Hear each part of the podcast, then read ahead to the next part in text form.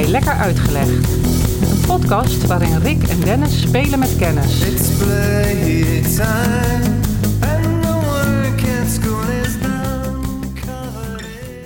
Ja, ja, ja. Rick, wat heb jij met tellen? Nee, dat is niet de eerste vraag. Nee, Ik, heb daar een heleboel ik, eh, antwoorden op hoor. Let maar op. Maar eh, jij hebt een andere vraag. Kom erin. Ja, ja, ja. Ik had wel eh, een andere vraag. Eh, eh, wat is ouder, Ik, de ik, telraam of het spijkerschrift? ik wou zeggen ik. Ik ben ouder.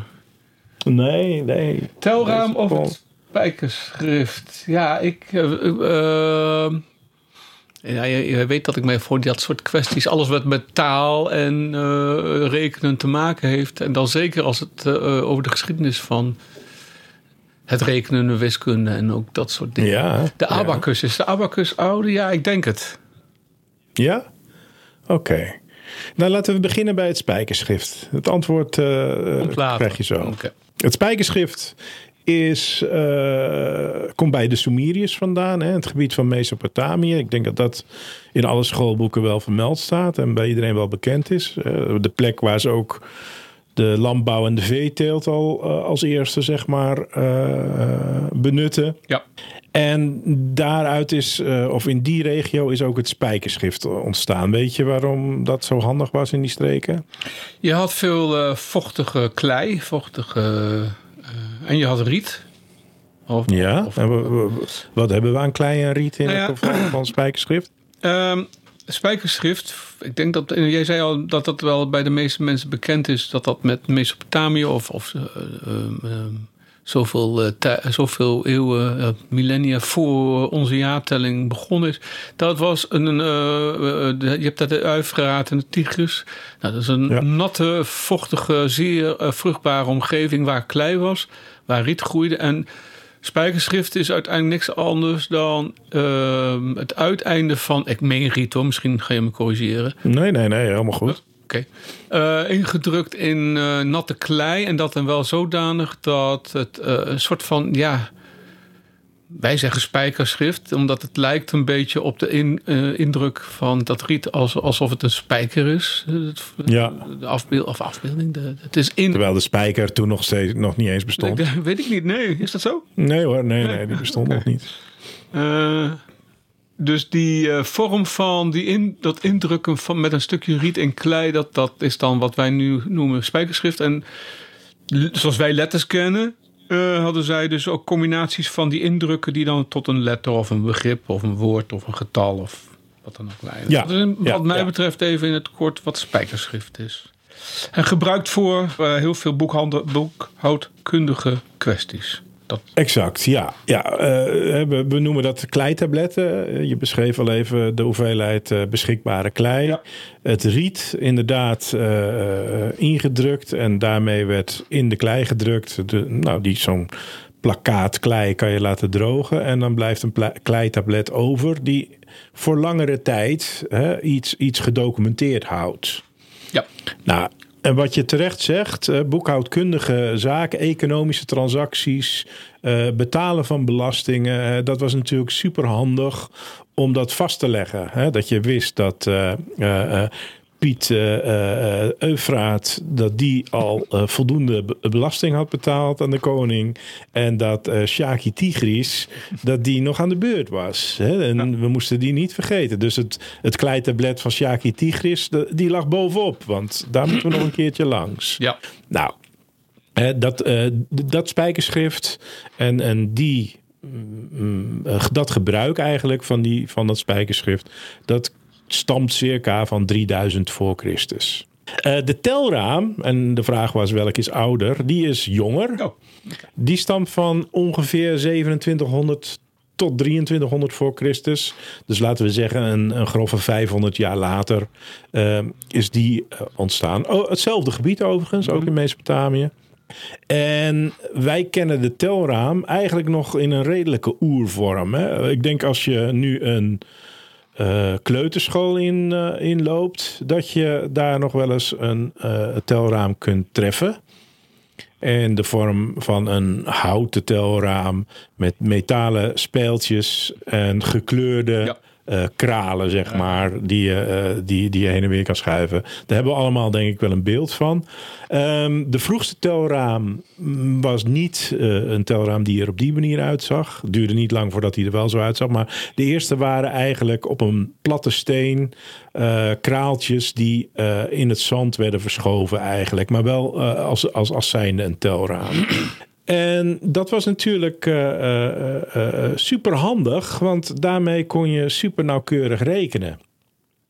Hè, eh, even heel, heel simpel gezegd is eh, in het decimale stelsel eh, kan je zeggen een telraam, elk dwarsstaafje eh, staat voor een eh, eh, met tien kralen staat bijvoorbeeld voor het linker dwarsstaafje staat voor duizendtallen, die daarnaast rechts voor honderdtallen, daarnaast tientallen en daarnaast eh 1, 2, 3 enzovoort. En dan kan je al ontzettend goed rekenen. Ja, je kan heel makkelijk eh, optellen, aftrekken. En als je goed in bedrijf bent, kan je er nog wel meer mee. Maar in die vorm kennen wij ze en leren wij er ook mee werken, denk ik, op de, eh, vanaf de, de vroegste eh, kleuterklasjes. Of, ja, ja, toch? Of, ik weet niet of ze ermee leren rekenen. Rekenen ze, ehm, komt wat later aan de orde. Maar Echt? ja, nou ja, Is dat dan de basisschool waar ik aan denk? Het is al voor mij een hele tijd geleden. ja, jij denkt aan de ehm, leeftijd 4, 5 of zo? Ja, dat je ook naar het wc moest met zo'n ding kralen om je nek. Oh, Als je dan ik weet niet de wat voor school jij hebt dat. Nee, ik weet niet wat voor school jij hebt gezeten. Maar eh, zat je, jij Oh, moest met de, met de kralenketting naar de klas. Ja. Wij hadden dan op de kast bij de deur lag een, eh, eh, eh, een ketting met gekleurde houten kralen. Een vierkantje, een cirkel enzovoort. Grote ketting. En die moest je dan, als je naar de wc moest, dan moest je die omdoen. Zodat mensen in de gang konden zien... hé, hey, dat kindje is op weg naar het toilet. En eh, dan kon de juffrouw of de meester in de gaten houden van... nee, er is al iemand naar het toilet, want de kralenketting is weg. En als hij dan eh, lang weg is, dan kon hij eens gaan kijken op de wc... of ik niet eh, door de wc gespoeld was of zo. Nee, dat ken ik helemaal niet. Zeg maar niet. Oké. Nee. Maar, Maar ik, weet ook niet, ik weet ook niet waarom ik daarop kom. Maar Nou ja, vanwege dat, ja, ja, ja, rekenen, wanneer begint het rekenen? Ja, Eh, nou, rekenen begint al heel vroeg natuurlijk. Kinderen zijn al heel snel bezig met eh, met simpele tellen van 1, 2. Maar zoals jij het schetst, hè, met zo'n abacus, met zo'n telraam. Ik denk dat dat... Ja, het zit wel op de basisschool hoor. Of de lagere school, zoals wij dat Ja. noemden destijds. ja, ja, ja. All right. Oké, maar dat is even context. Hm? maar wel, wel leuk en interessant. Want waar ik het eigenlijk over wil hebben... en daar komen de twee een beetje samen... dat is de kerfstok. Aha. Ja, ja, ja, de kerfstok. Ik heb het idee dat we daar al eens over gehad hebben. Althans, dat het voorbij is gekomen in een andere podcast. Nou, we hebben het nog nooit over de kerfstok gehad, hè? Nee, nee, nee. Het zou te gaaf zijn als we onszelf gingen herhalen hier zo zonder dat. Ja, we- nee. Dan moeten we eens gaan eh, nadenken over. Misschien, misschien heb ik je wel eens in een podcast gevraagd... of jij nog iets op je kerfstok hebt. Oh, misschien is dat, dat, dat. zou kunnen. Kerfstok. Ja. Wil, wil je iets kwijt? Nee. Eh, dat is wel een. eh, Ja, nee, doe maar niet.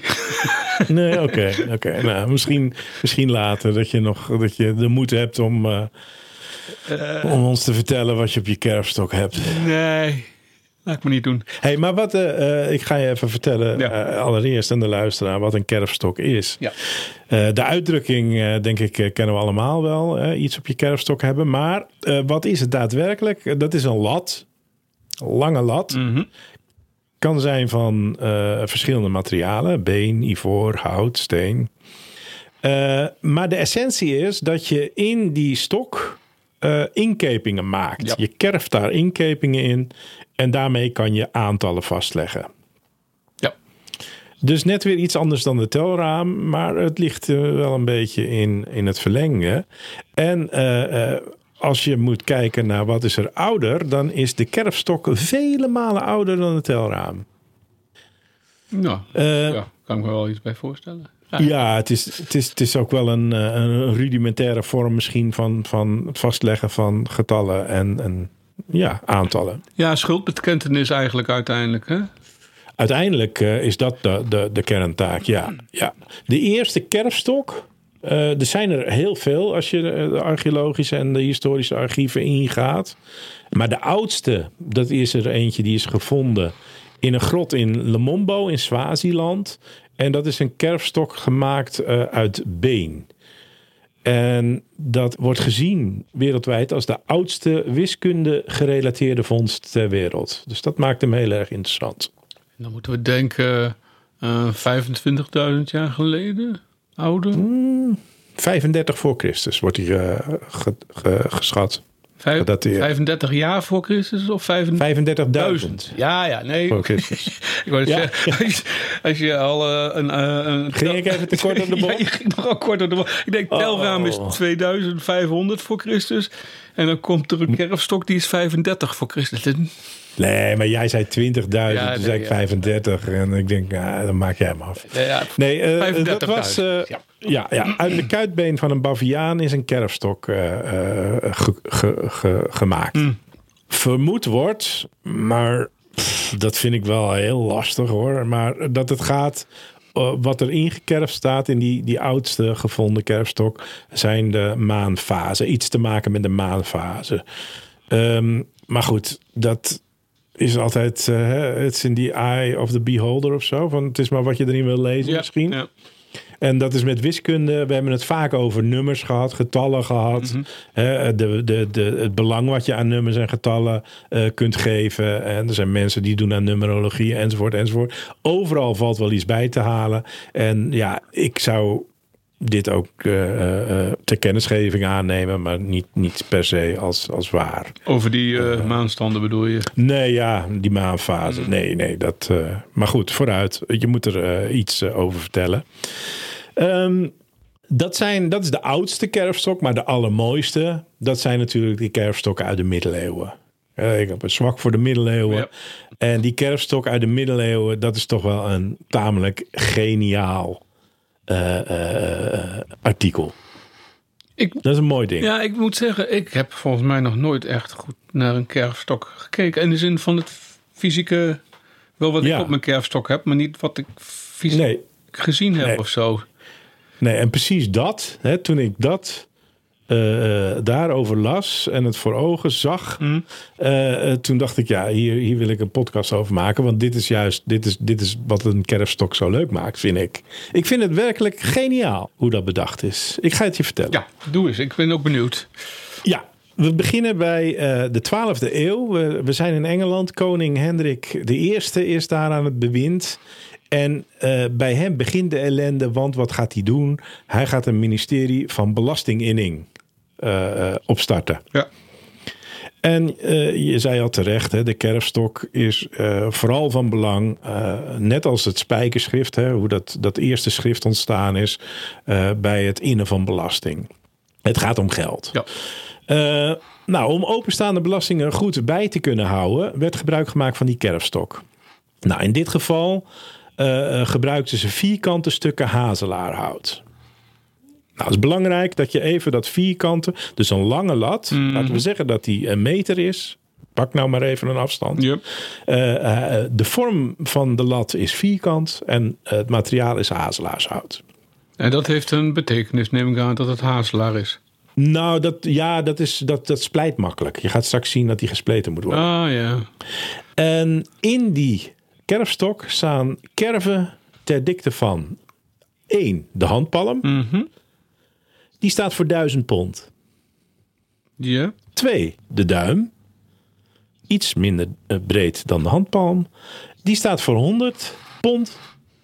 Ja. Dan de pink. Ja, die verschillen inderdaad. Ja. 10 pond. Een gerstkorrel.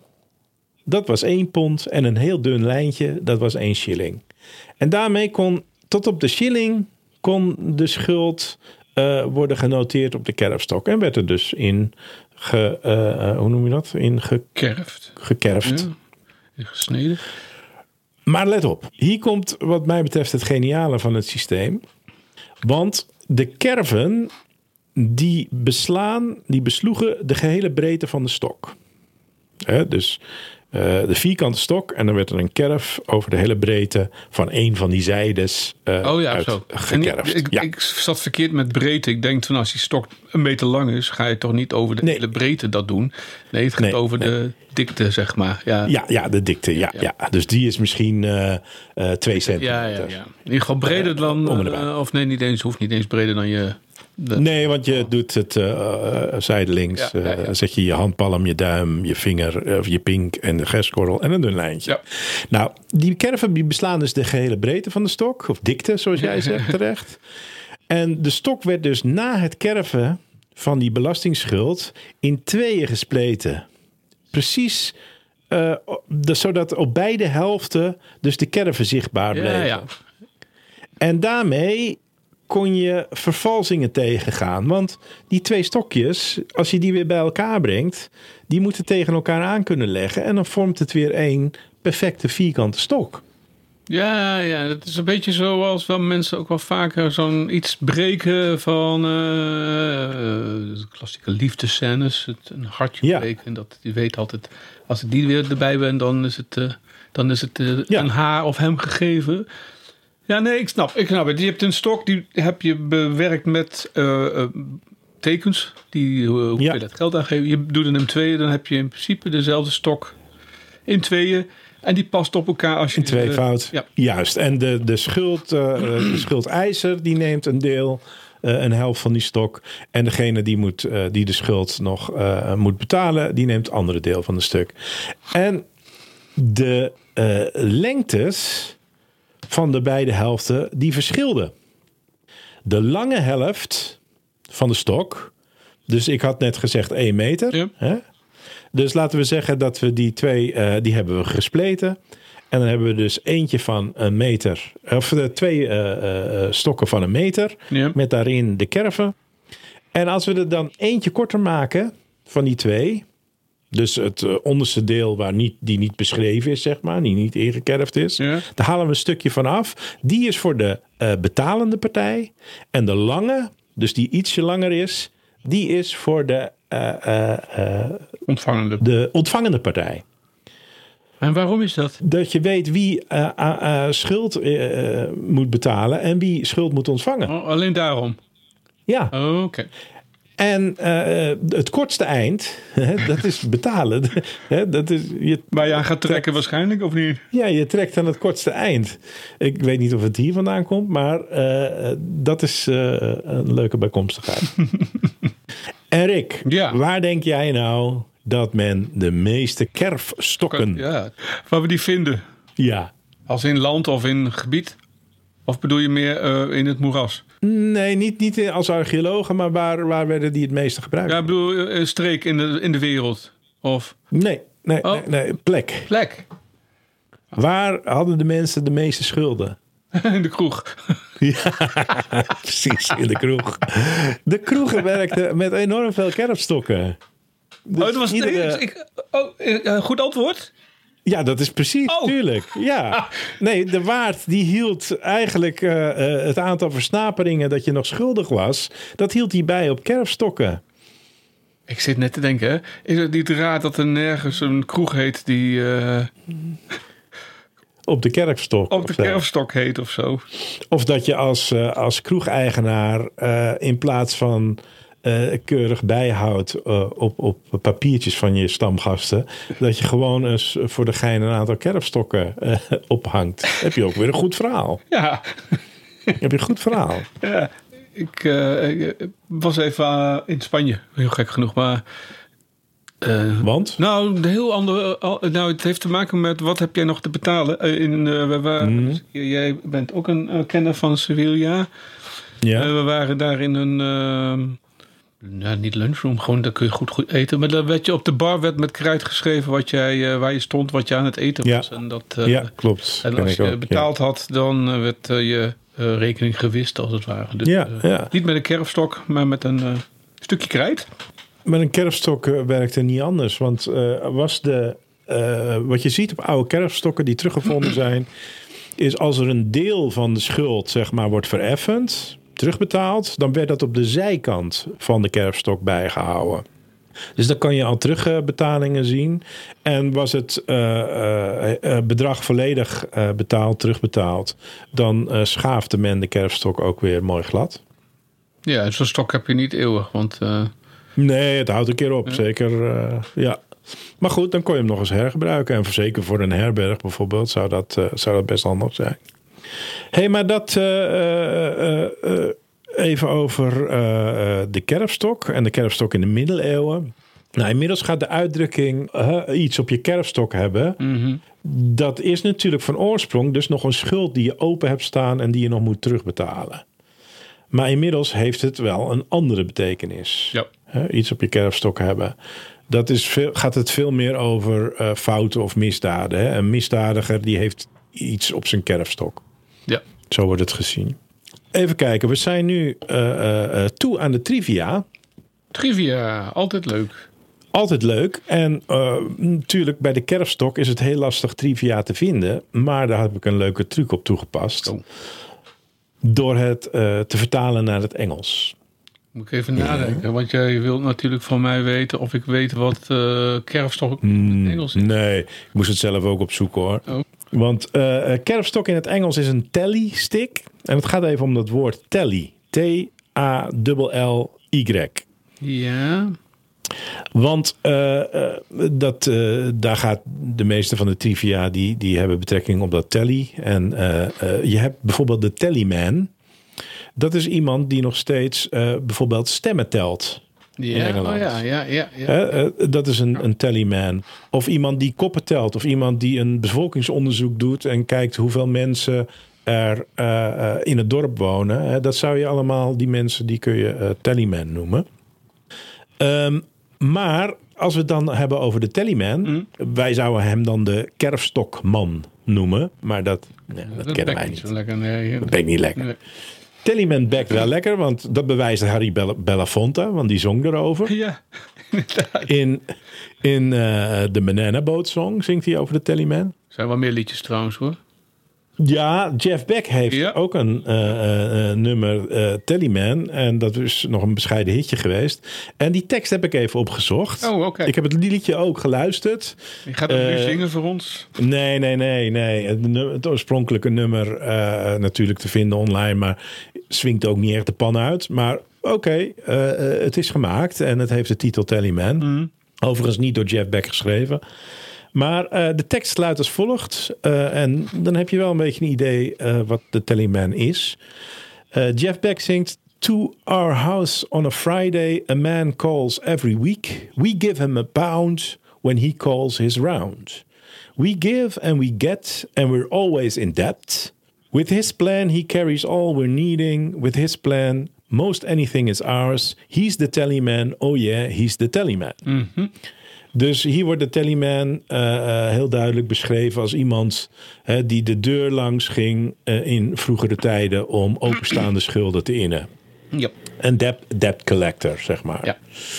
En dat deed mij weer denken aan mijn lieve moeder. Die vroeger van huis uit, haar vader was een beetje een keuterboertje. Die had wat kippen en die kippen die legden eieren. En zij moest dus als klein kind, dat heeft ze me wel eens verteld, ging zij de deuren langs in het dorp om eieren te verkopen.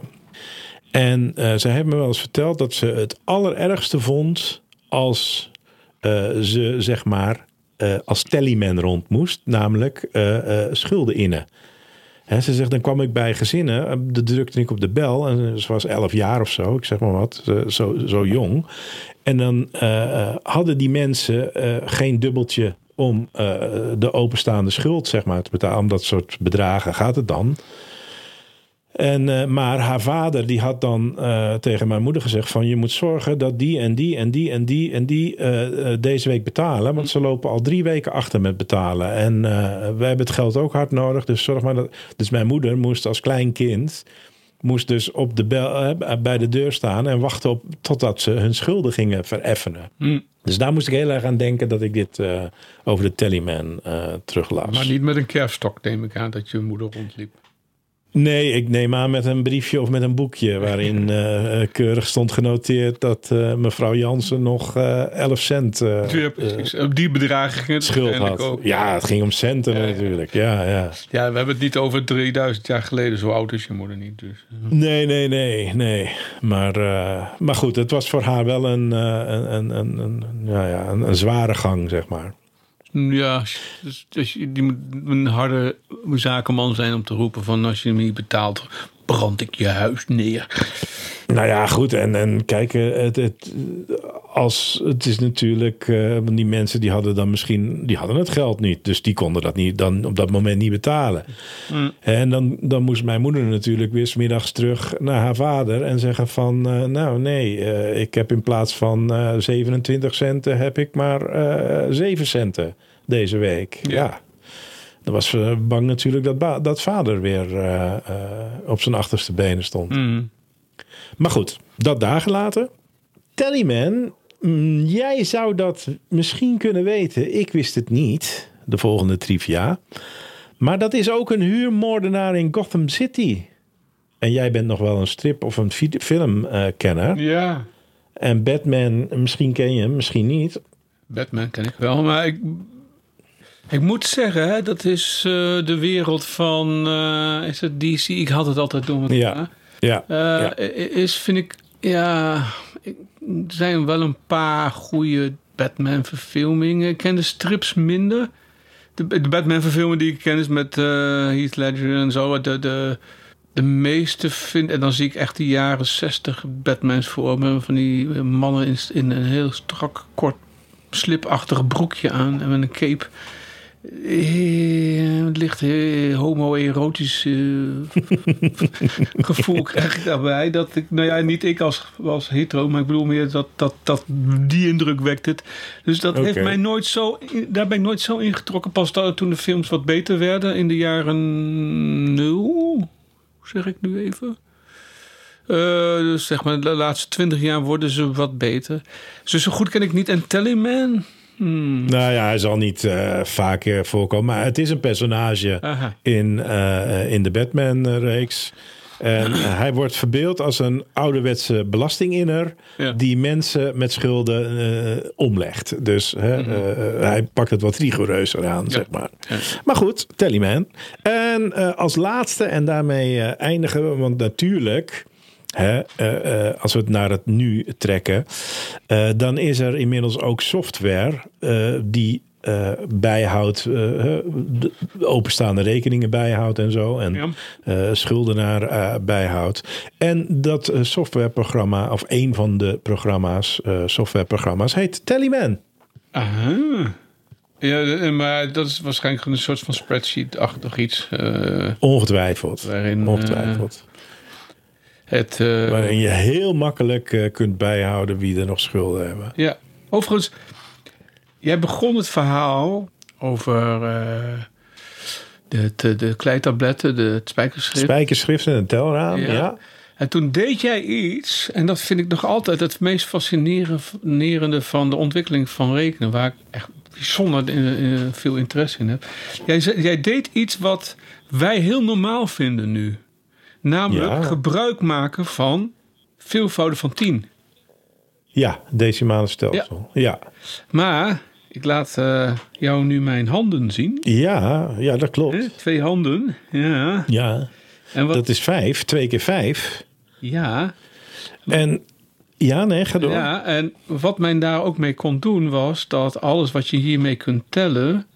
Eh, en dat, dat ziet er ook als, eh, als tien. Maar eh, we konden daardoor ook de, de coaches bijvoorbeeld van tellen. Dat we die ook gebruikten. Dus dat is Ja. een aanvulling even op daarop. Maar het andere is dat veel van de manieren van tellen, dus tientallen, hè, eh, veelvouden van tien, decimale stelsel, is één. Je hebt natuurlijk het binaire, maar dat is meer ook vooral uit onze tijd dan, hè, onze computertijd. Maar je had ook dat heel veel dingen waren geënt op veelvouden van twaalf, of rekenen met twaalf bijvoorbeeld. Dus ehm, ik weet niet, was het spijkerschrift ook in tientallen? Nou, moet ik nog eens Dat durf ik niet te zeggen. Maar is dat dan gebaseerd, gebaseerd op de maanden? Of, eh, of iets? ja. Heeft dat er iets mee te maken? Ik begin erover en ik begin nu even na te denken waarom. Ik heb het laatst weer ergens gelezen over hoe wij ehm, gebruik Tot maken. tot die twaalftallen komen. Ja, ja. Dat is natuurlijk een heleboel. eh, We hebben in, onze, in de aflevering over het ongeluksgetal 13 hebben we dat ook een beetje voorbij laten komen. Dat heel veel kwesties, want je noemde het al de maanden. Mhm. Eh, En 12 was perfect, toch? ja, precies. Eh, de, de 12 discipelen, de 12 uren. eh, Ja. eh, twee keer 12 Ja. eigenlijk in een dag. Ja. Maanden. Ja. Ehm, de wijze waarop wij kunnen tellen met ons lijf, dat had, had ook een sterke invloed op, eh, op eh, de getallen die wij, eh, of de wijze van rekenen, de, de grootheden die wij gebruikten.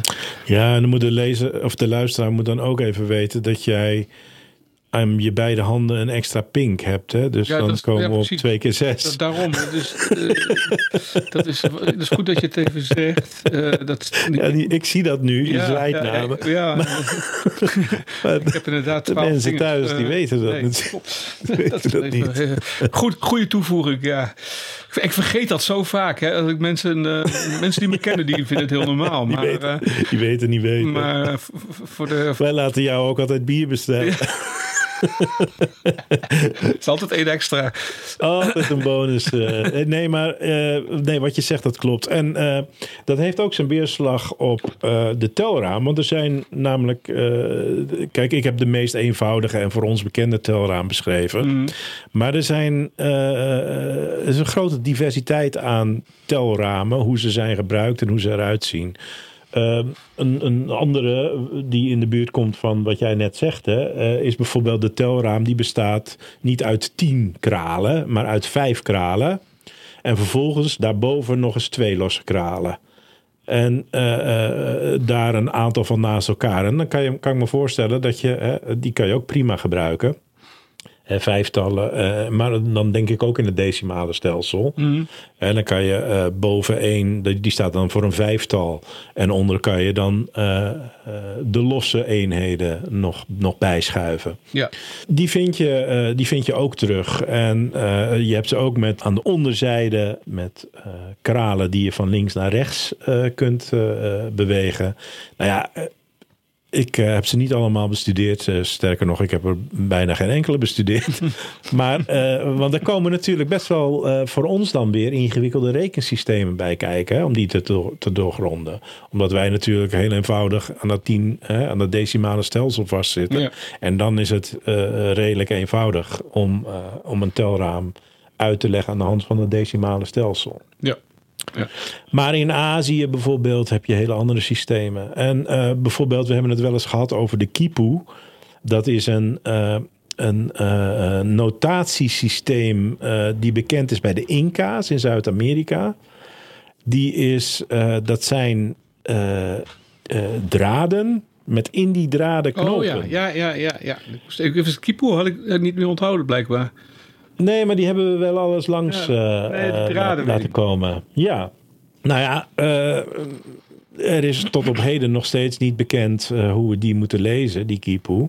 Maar die zijn wel teruggevonden, hè? een heleboel van die, van die Knopen en Ja. touwen. knopen in touwen. En ja, in hoeverre is dat ook misschien een, een telsysteem? Ik weet het niet. Zou kunnen. Vermoedelijk wel. Ik, ik zou... Er zal in ieder geval een component eh, aan zitten. Ja. Maar we kunnen hem eh, zelf helaas niet meer lezen. Ik nog even op die 12 zat ik na te denken. Maar dat had inderdaad met die vingercoaches te maken. Eh, dus, Drie keer vier, als je de duim buiten de duim, de duim die telde zeg maar als het ware de vingercoaches. Ja, ja, precies. Ja, dat is inderdaad. Daar kan je met je duim ook bij. Ja, Dus dan kan je hem ook kun je, even met, kun je met één hand kun je bijvoorbeeld. schrijven en met de andere kun je tellen. Dus je kunt Kun je tellen. in zicht laten, eh, als je het laat zien met iemand met wie je aan het... Hey, je wilt laten, eh, iemand moet iets betalen voor wat jij verkoopt. En dan zeg je van, nou, dat kost dus eh, zoveel. eh. ja, Ja. Maar wij doen het bijna niet meer. eh. Nee, want wij komen dan eh, natuurlijk ook heel lastig tot die tientallen waar we zo aan vastzitten natuurlijk. Dat laten wij niet zo makkelijk los, inderdaad. Nee, nee, nee. Ja. Alright. Maar- nou, tot dusver. Ja, eh, had jij verder nog iets op je kerststok? Nee, nee ik, eh, ik niet. Jij ook nog? Wou je nog, eh, nog de biechtstoel in, zeg maar? Oh man, dat wordt het. eh, nee, ik geloof dat we dat maar niet moeten doen vandaag. Oké, nou, dan, eh, dan laten we het erbij. Is goed. Lekker Uitgelegd is een podcast van Dennis Ai en Rick Roeland. Wil je geen uitleg missen? Abonneer je dan op Lekker Uitgelegd. Dat kan op Spotify, iTunes of in je favoriete podcast-app. Laat ook vooral een recensie achter. Dat vinden wij leuk en andere mensen kunnen ons dan sneller vinden. Lekker Uitgelegd is ook prima te volgen op Twitter, Facebook en Instagram. Wil je meer weten over deze aflevering? Kijk dan op lekkeruitgelegd.nl. En wil je reageren? Dat kan. Stuur dan een mailtje naar info@lekkeruitgelegd.nl. Tot over twee weken. Lekker uitgelegd is een klankmedia productie. En de muziek, die is van Kolbak.